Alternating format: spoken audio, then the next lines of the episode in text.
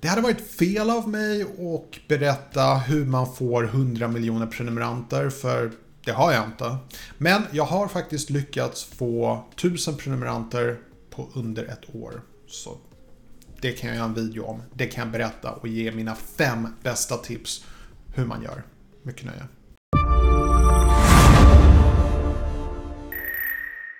Hej och välkommen till min kanal. Mitt namn är Tommy och jag hjälper dig bemästra social media idag. Om du är ny här, glöm inte att göra hashtag nyprenumerant så jag kan välkomna dig ordentligt. Lite kort om mig själv. Eh, jag jobbar som konsult, det hjälper små och stora företag att utvecklas och jag har en akademisk bakgrund inom marknadsföring. Men min stora passion här i livet är såklart YouTube och jag antar att det är din passion också i och med att du kollar på den här videon just nu. Så vi sätter igång och eh, jag ska berätta lite grann om hur jag fick 1000 prenumeranter på den här kanalen eh, inom ett år. Så det finns två saker först ni behöver veta.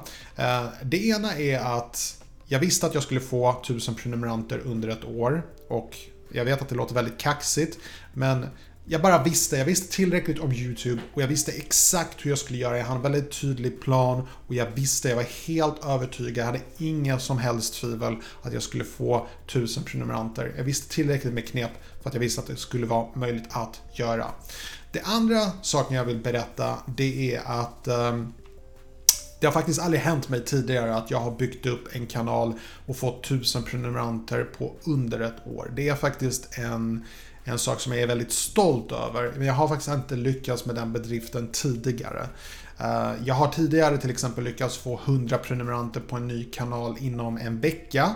Det är en bedrift jag också är stolt över. Men just 1000 under ett år, det är någonting nytt för mig. Så jag ska dela med mig fem stycken tips om hur man kan få 1000 prenumeranter under ett år baserat på framgången med den här kanalen.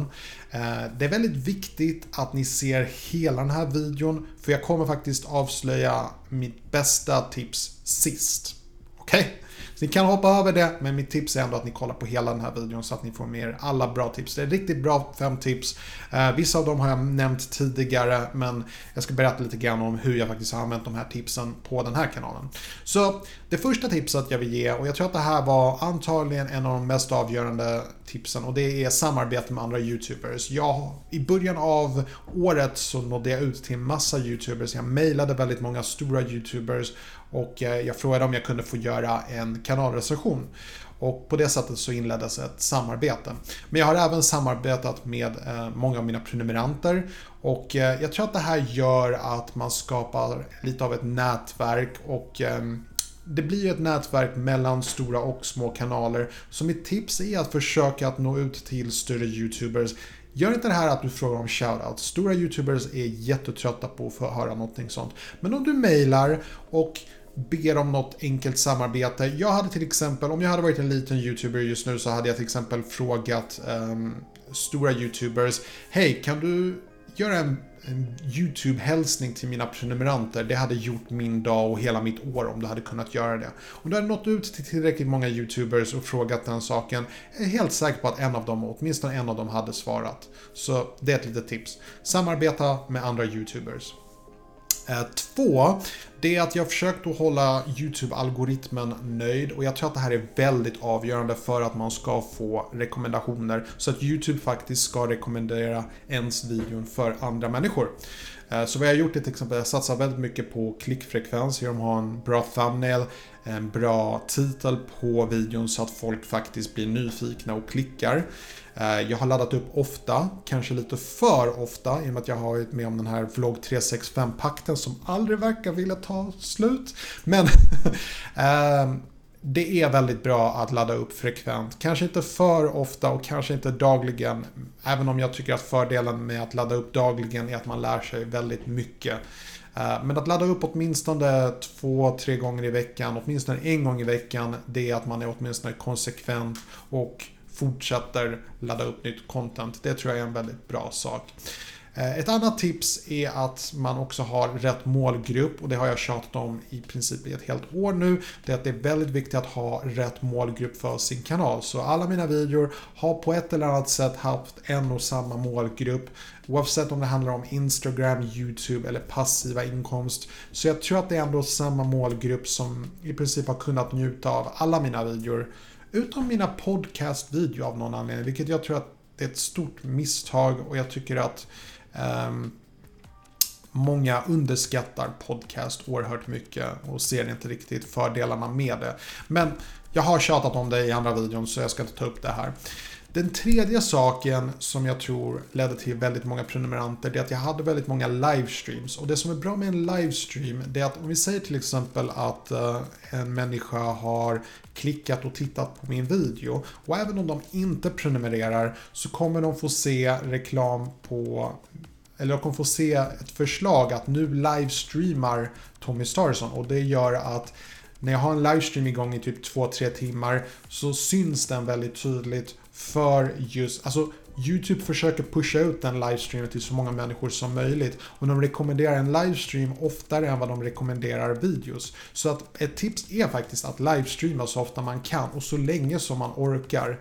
Eh, jag gav ju upp lite grann på det här med livestreams. Jag var väldigt aktiv där ett tag i början på året där jag livestreamade varje tisdag och eh, det var väldigt ehm, effektivt. Jag fick väldigt många prenumeranter. Jag tror jag för Ungefär för varje livestream så tror jag att jag fick 20 nya prenumeranter. Det var väldigt effektivt faktiskt. För jag tror att när folk får se en, en YouTuber live, jag tror att de får ett slags en annan koppling och de tänker wow, den här killen är intressant och han svarar på frågor och grejer live. Jag tror jag vill följa den här personen. Och, så jag tror definitivt att livestreams är väldigt underskattat och eh, man får som sagt väldigt mycket visningstid vilket är väldigt nödvändigt om man försöker få AdSense på sin kanal. Så livestream är definitivt en bra idé.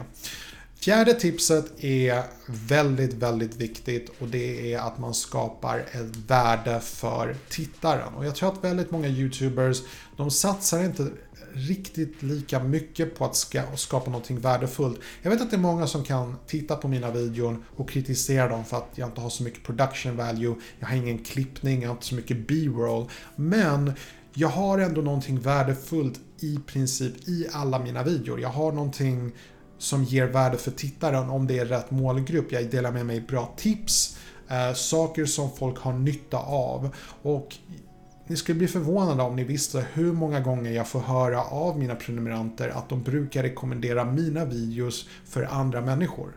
Det tycker jag är väldigt intressant. Jag har inte bett folk göra det, men folk gör det för att de tycker verkligen att jag ger värdefullt content till dem. Så ett tips är satsa på att skapa värde. Vad kan... Det var... Häromdagen så tror jag såg någon som frågade vad... På Instagram story var det någon som frågade vad ska jag göra nästa video om? Och då gav jag tipset vad sägs om att göra ett, en video där du ger ditt bästa lifehack tips till exempel. Så det, det är en sån här sak.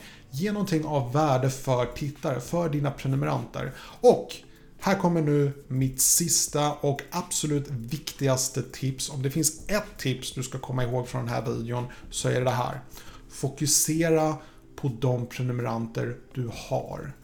Varje gång de kommenterar, ge ett riktigt ärligt svar i kommentatorfältet.